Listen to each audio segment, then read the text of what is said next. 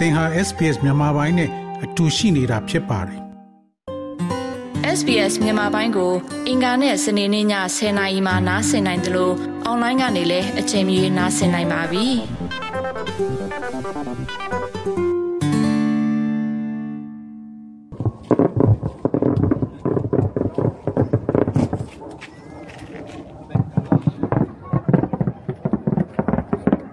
ကရင်ပြည်ဒီမော့ဆိုမြို့နယ်အတွင်းကကုန်းတာရွာတဝိုက်ကိုစစ်ကောင်စီကလေကြောင်းကနေတိုက်ခိုက်မှုတွေပြုလုပ်ခဲ့တာပါ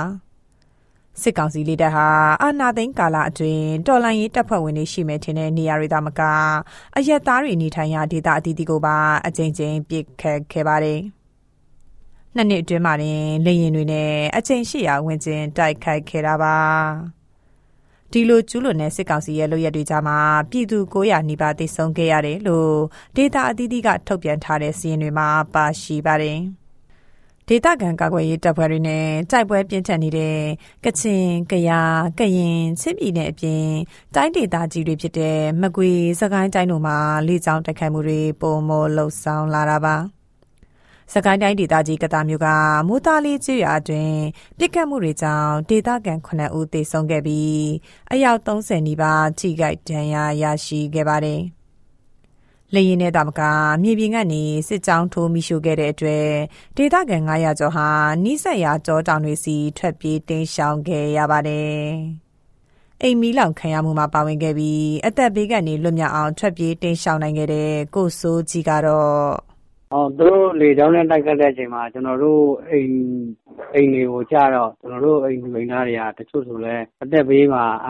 ပီတိလေးပဲ လွတ်ခဲ့ရတယ်ဗျ။ကျနော်တို့က ပြေးပြီးမှဘုန်းကြီးထဲဝင်ရပါတယ်ခင်ဗျ။ဝင်ပြီးမှ အောင့်နေရတဲ့အချိန် ဖြစ်ပါတယ်ခင်ဗျ။လေယာဉ်ဗုံးကကျတော့ ကျနော်တို့ အိမ်နောက်ကို ကျတဲ့အတွက် ကျနော်တို့ကလည်း တော်တော်လေးကို ထိခိုက်စိတ်ဒဏ်ရာရခဲ့လို့ ကျနော်တို့လည်း အဲဒါတွေလည်း တုန်တုန်ခါက်ခါက်နဲ့ ကျနော်တို့ မနက် ၄ နာရီထိုး ကျနော်တို့ ထွက်ပြေးရတယ်ဗျ ကျနော်တို့ပြေးရတာကတော့ဝတ်တထည်ကိုယ်တခုပါပဲခင်ဗျ။ဘာမှမပါနိုင်ပါဘူးခင်ဗျ။အကုန်လုံးကဒီတိုင်းကျန်ထားခဲ့ပါတယ်ခင်ဗျ။ရှာပုံမရှိတော့တယ်ကျနော်တို့မှာ။ရိက္ခာကတော့ပြတ်နိုင်ဖို့အခြေအနေအများကြီးရှိပါတယ်ဗျ။ရှိကိုမရှိတာပါဗျ။”အာဏာသိမ်းပြီးနောက်ပိုင်းကာလမှာစစ်ကောင်စီဟာ၂၀၂၁ခုနှစ်စက်တင်ဘာလကစလို့အဲဒီနှစ်ကုန်အထိ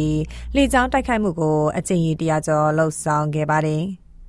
ပြီးခဲ့တဲ့တစ်နှစ်အတွင်းမှာတော့အကြိမ်ရေ660ကျော်တိုးပြီးလှုပ်ဆောင်လာတယ်လို့မြမမဟာမူဝါဒလေ့လာရေး Institute ISP အချက်လက်တွေကသိရပါတယ်။စစ်ကောင်စီဟာ2015ခုနှစ်မှာ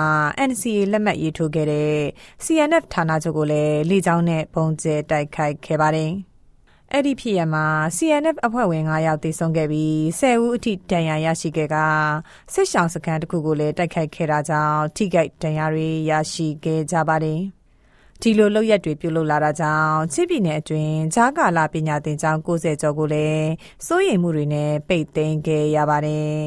။စစ်ကောင်စီရဲ့လေကြောင်းကနေတိုက်ခိုက်ရင်ပုံကျဲမှုဟာအိန္ဒိချင်းနိုင်ငံဖြစ်တဲ့အိန္ဒိယနိုင်ငံဘက်ကိုလည်းကြားရောက်ခဲ့ပါတယ်။ ဒီလိုကြောက်ရောက်ခဲ့ပေမဲ့အရေးယူတရားစွဲတာတွေမပြုလုပ်ခဲ့တဲ့အိန္ဒိယအစိုးရအပေါ်နိုင်ငံတကာဥပဒေချိုးဖောက်မှုကိုတားဆီးပေးဖို့လူ့ခွင့်ရေးအဖွဲ့တစ်ခုဖြစ်တဲ့ Fortify Rights ကတောင်းဆိုလိုက်ပါတယ်။ CNF ဌာနချုပ်ရဲ့စီရေးပြုလုပ်တဲ့နေရာမဟုတ်တာကြောင့်ဒီလိုတိုက်ခိုက်တာဟာလူမျိုးတုံးတပ်ဖြတ်မှုဖြစ်တယ်လို့ပြောလာသူကချင်းပြည်နယ်ကာကွယ်ရေးတပ်ဖွဲ့ CJDC ပြောရေးဆိုခွင့်ရှိသူပေါ်ပါပြည်သူတော်လှန်ရေးလည်းဖြစ်တယ်လို့ပြည်တွင်းစစ်မှာ တိုက်လေယာဉ်တွေနဲ့အသုံးပြုလာတဲ့ဟာတွေတော့ဒါဟာကျွန်တော်တို့လူမျိုးတုံးတက်ဖြတ်တယ်ဆိုတဲ့အထီကိုကျွန်တော်တို့ကခံယူထားတယ်ချမ်ပီယံစ်ကောင်စီရဲ့ဒါလူမဆန်တဲ့လုပ်ရတစ်ခုပဲပေါ့လေဒီပြည်သူရက်သားပြည်သူနေတယ်ဆိုတဲ့ဟာကိုသူတို့အနေနဲ့တိထားပြီးသားဖြစ်ပါတယ်ဒီစစ်ဆောင်စခန်းတွေကြေးရော်တဲ့အတွင်းမှာကျွန်တော်တို့စီတဲတွေမရှိပါဘူးမှန်ကယ်ဆိုရင်တော့ဒါဘသူမှဒီကြေးရော်အတွင်းမှာဝင်ပြီးမှကျွန်တော်တို့အနေနဲ့ဟိုစခန်းလုပ်ပြီးတိဆောက်တာမျိုးကိုကျွန်တော်တို့အနေနဲ့မလုပ်ဘူး ပြီးတော့သူတို့ကိုပဲလာပြီး target ထားတာမျိုးမဟုတ်ဘဲနဲ့ဒီလူသားမျိုးနေစုအပေါ်မှာသူတို့အနေနဲ့လူမဆန်ဆိုတက်ဖြတ်တဲ့လုပ်ရက်ပဲလို့ပြည်သူတွေအနေနဲ့နားလေထားပေးစီခြင်းတယ်အခုနှစ်စဒီလပိုင်းအတွင်းမှာတင်ဆယ်ကြိမ်ထက်မနည်းလေကြောင်းပစ်ခတ်မှုတွေရှိခဲ့ပါတယ်။ ကာကွယ်ရေးတပ်ဖွဲ့ရှိတဲ့နေရာတွေတပ်စခန်းချထားတဲ့နေရာတွေကိုလေကြောင်းနဲ့ဘုံကျဲတိုက်ခိုက်တာမျိုးမဟုတ်ပဲစစ်ဆောင်တွေရှိတဲ့နေရာတွေနဲ့ပြည်သူတွေရဲ့အိုးအိမ်တွေပေါ်ကိုဓာတ်ရိုက်တိုက်ခိုက်မှုတွေပြုလုပ်နေတာပါ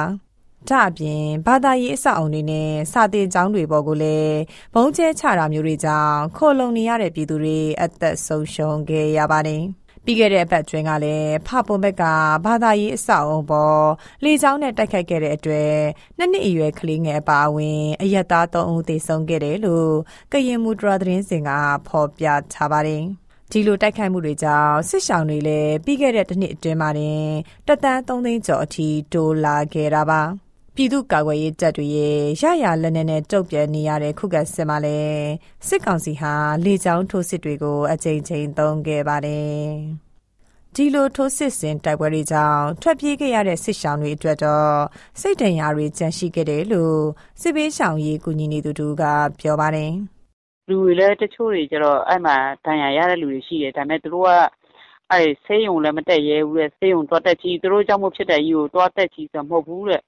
သူတို့စိုးရိမ်မှုရှိတယ်ပေါ့နော်။တတ်ခံရမှာစိုးလို့တဲ့မတက်ကြဘူး။အဲ့တောထဲမှာပဲသူတို့ဟာသူတို့ကြိတ်ကုနေတာပေါ့။သူတို့ကလူဦးရေဒီလောက်ကြီးအများကြီးဆိုတော့လည်းဘုန်းကြီးကျောင်းကမကျွေးနိုင်တော့နည်းနည်းခက်ခဲတာပေါ့နော်။သူခင်ရာကိုခင်ရာအဲ့လိုလာပြီးအကူအညီတောင်းကြတယ်ရှင့်။အခုဒီမှာကျဘယ်လိုဖြစ်လဲဆိုတော့ကျွန်တော်တို့အဲ့ဘက်မှာတွေကကိုယ်ပိုင်ပတ်စံရှိတဲ့လူကျတော့ဝယ်တယ်။မတတ်နိုင်တဲ့လူကျတော့ငှားနေတယ်။တချို့ကျတော့လည်းအဲ့လိုဆွေနီးမျိုးဆက်အိမ်တွေမှာလိုက်နေရတွေလည်းရှိပါတယ်ရှင့်။တချို့အဖိုးကြီးတွေကလည်းတေရင်လည်းတေဆိုအဲ့လိုမျိုး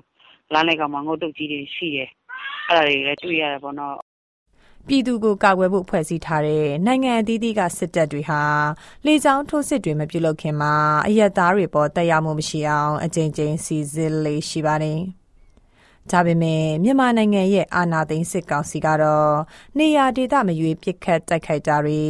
ခုခံမှုကင်းမဲ့တဲ့မြို့ရွာတွေကိုဘုံကျဲတိုက်ခိုက်တာတွေပြုလုပ်တဲ့အတွက်ဒါဟာစစ်ရာဇဝတ်မှုကိုချိုးဖောက်တာဖြစ်တယ်လို့စစ်ဘက်ရေးရာကျွမ်းကျင်သူတွေကသုံးသပ်ပါတယ်။ပြည်ရင်းပဋိပက္ခစစ်ပွဲတွေမှာလေကြောင်းသုံးတိုက်ခိုက်တာဟာလည်းနိုင်ငံတကာဥပဒေကိုချိုးဖောက်ရာရောက်တယ်လို့နိုင်ငံတကာအတိုင်းဝိုင်းကဆိုကြပါတယ်။ ပြီးခဲ့တဲ့ရက်ပိုင်းအတွင်းကလည်းရှမ်းပြည်တိုးတက်ရေးပါတီ SSPP ဌာနချုပ်ရှိရာကိုစစ်ကောင်စီကလေရင်ပြန်ဝဲမှုတွေပြုလုပ်ခဲ့ပါသေးတယ်။ဒီလောက်ရဟာရန်လိုတဲ့လောက်ရဖြစ်တယ်လို့ SSPP ပြောခွင့်ရကလည်းဝေဖန်ပြောဆိုထားပါတယ်။လေးတက်ကနေပထမဆုံး CDM ပြုလုပ်ခဲ့တဲ့ဗိုလ်ကြီးစေသူအောင်ကတော့စစ်ကောင်စီဟာဘယ်တော့မှမှားယွင်းပစ်ခတ်တာမျိုးမလုပ်တဲ့အပြင်စစ်ဥပဒေတွေကိုလည်းလိုက်နာမှုမရှိတော့ဘူးလို့ဆိုပါတယ်။ အခုနောက်ပိုင်းမှာဆိုရင်တော့ ဒါကျွန်တော်တို့ မှားယွင်းပစ်ခတ်တာဆိုတာ မဖြစ်နိုင်တော့ဘူးပေါ့နော်။ဘာကြောင့်လဲဆိုတော့တိတက်ကို လုပ်တာပေါ့နော်။ဘာကြောင့်လဲဆိုတော့ဒီကျွန်တော်တို့ကတာမန်ပြည်သူတွေကတာမန်ပြည်သူတွေက လက်နက်ကင်ထားတာ မဟုတ်ဘူး။နောက်ပြင်တိုက်ပွဲဖြစ်တဲ့သူတို့ တိုက်ပွဲနေရာနေ ဝေးရနေအောင်သွားပြီးတော့မှ နေကြရတဲ့ စစ်ကြောင်။ဒါပေမဲ့ သူတို့က အဲ့စစ်ကြောင်တွေဖြစ်တာလိုက်တိုက်တဲ့အချိန်မှာ တဖြည်းဖြည်းနဲ့ ဒီတိုက်ပွဲတွေ ဖြစ်နေလို့သာလျှင် သူတို့ဒုက္ခရောက်နေကြတယ်။မြန်မာနိုင်ငံကြီး မငြိမ်းချမ်းလို့သာလျှင် ဒီစီးပွားရေးကိစ္စတွေဖျက်သုဉ်းတယ်။ဒီလိုမျိုး အဲ့ဒါ သူတို့ အေးအေးချမ်း နေချင်တယ်ဆိုတဲ့ concept နောက်ပြီးလို့ရှိရင် ဒီတိုက်ပွဲက ဒီလိုဖြစ်နေပြီဆိုရင် ငါတို့တွေအတွက် ဘဝအသေးမှာပဲဆိုတဲ့ယူဆချက်နောက်ပြီးအကြောက်တရားကိုထိတ်ကျင်လို့နောက်ပြီးအဲ့လိုအကြောက်တရားထိတ်ကျင်အပြင်ဘာဖြစ်နိုင်လဲဆိုလို့ကျွန်တော်ဒီ data ခံ data အတွင်းမှာတိုက်နေတဲ့ local အတွင်းမှာတိုက်နေတဲ့ PDF တွေနဲ့ချိန်ချိန်မှာတစ်ဖြည်းဖြည်းနဲ့ရဟန်ဖြစ်တော့အောင်ဆန့်ကျင်ဘက်ကိုသူတို့ကြိုးရှိနေလို့ရတယ်ငါတို့သူတို့တိုက်ခိုက်ခံနေရတာဆိုတဲ့အဒီစာမျိုးဖြစ်အောင်အဲ့လိုမျိုးလုပ်ဖို့ရတဲ့သူတို့အနေနဲ့ဒီရက်ဖက်ပြည့်မဲ့တွေကို တိုက်ခိုက်တာလို့ကျွန်တော်ကတော့ယူဆပါတယ်ပြီးခဲ့တဲ့တစ်နှစ်အတွင်းလေကြောင်းတိုက်ခိုက်မှုကြောင့်ပြည်သူတွေအစုလိုက်ပြုံလိုက်သေဆုံးခဲ့ကြပေမဲ့စစ်ကောင်စီကရန်နာခြင်းမရှိဘဲဇက်တိုက်လှုပ်ဆောင်နေစေပါ KIO 62နှစ်ပြည့်အခမ်းအနားပြုလုပ်တဲ့အနက်ပါမှာဂျက်လီရင်၃စီးနဲ့တိုက်ခိုက်ခဲ့လို့လူ80ကျော်သေဆုံးခဲ့ရပြီးတမိုင်းတလျှောက်လူသေးပြောက်အများဆုံးဖြစ်ရဖြစ်ခဲ့ပါတယ်။စကိုင်းတိုင်းဒေသကြီးလက်ရက်ကုန်းရွာကစာတင်ကျောင်းဖြစ်စင်မှာလေလေကြောင်းပစ်ခတ်မှုကြောင့်မူလာတန်းကလေးငယ်9ဦးအပါအဝင်73ဦးသေဆုံးခဲ့ပြီးရင်ပေါင်တိုင်းကျွေးရမှာတော့ကလေးငယ်အမျိုးသမီးအပါအဝင်19ဦးသေဆုံးခဲ့ရပါတယ်။ လေကြောင်းတိုက်ခိုက်မှုကနေပြည်သူတွေကိုကာကွယ်ပေးနိုင်ဖို့အမျိုးသားညီညွတ်ရေးအစိုးရ NUG ကလှုံ့ဆော်နေပြီးအရေးယူတားဆီးနိုင်ဖို့စ조사နေတယ်လို့ တမရယုံပြောခွင့်ရဦးကျော်စောကပြောပါတယ်ကျွန်တော် NUG အစိုးရအနေနဲ့ကလည်းစေးရာဇဝဲကောင်တွေရဲ့ဒေကြောင်းတိုက်ခိုက်မှုတွေကာကွယ်ဖို့အတွက်ကိုကျွန်တော်တို့တတ်နိုင်သလိုကျွန်တော်တို့ဆောင်ရွက်နေပါတယ်ဒီဒေပြန်တွေရဲ့ဒေကြောင်းအန်ဒီယောကာကွယ်ဖို့အတွက်တူတင်ချက်ပေးတဲ့စနစ်ဖြစ်နိုင်အောင်ဖြစ်နိုင်တဲ့နေရာတွေမှာတိစောက်ပေးနေတယ်ကဘာမှာကြည့်လိုက်ပါဘယ်စစ်ပွဲအမှလေကြောင်းတိုက်ခိုက်မှုကြောင့်စစ်နိုင်ခဲ့တာမရှိပါဘူးစစ်ပွဲကြီးတစ်ခုလုံးရဲ့အောင်မြင်မှုကိုမဖန်တီးပေးနိုင်ပါဘူးကာကွယ်ရေးကဏ္ဍကလည်း အဲ့မှာဆိုရင်လည်းကျွန်တော်တို့နေကပြည်သူတို့ရဲ့အသက်အဝင်စီစဉ်ကိုကာကွယ်ဖို့အတွက်အတက်နိုင်ဆုံးဆောင်ရွက်နေတယ်ဒီတာဝန်ရှိတဲ့စစ်ရာဇဝတ်ကောင်တွေကိုလည်းတရားဥပဒေအရအဖြစ်ပေးအရေးယူနိုင်ဖို့ဆိုတာလည်းကျွန်တော်တို့ဆောင်ရွက်နေတယ်ဆိုတာပြောကြားချင်ပါတယ်ထိတ်ဆုံးတော့မရောက်သေးဘူးပေါ့နော်ဒီ off အချိန်မှာရှိတဲ့အရာရှိတချို့အပါဝင်သူတို့စစ်ရာဇဝတ်ကျူးလွန်တဲ့ပုံကိုယ်တွေကိုကျွန်တော်တို့ဖမ်းဆီးအရေးယူအဖြစ်ပေးနိုင်တဲ့အနေအထားတရက်ကိုဖော်ဆောင်နိုင်မှုတဲ့ရှိနေပြီဆိုတာပြောကြားချင်ပါတယ် ပြည်သူပိုင်ငွေတွေနဲ့ဖွဲ့စည်းထားတဲ့စစ်တပ်ဟာအာဏာသိမ်းကာလနှစ်နှစ်ကြာအတွင်း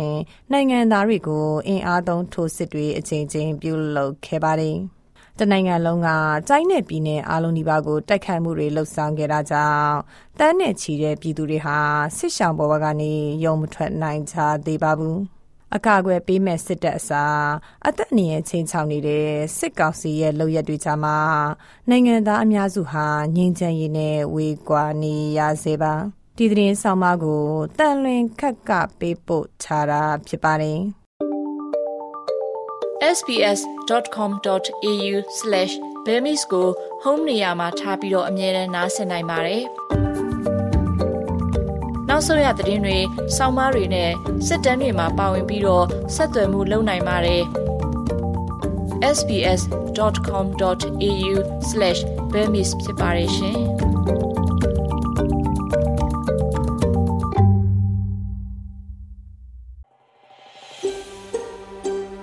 ဒါမျိုးသတင်းဆောင်မတွေကိုပိုနားဆင်လိုပါလား Apple Podcast Google Podcast Spotify တို့မှာသင်ပင်ရာဖြစ်ဖြစ်ရယူတဲ့ podcast ကနေပါ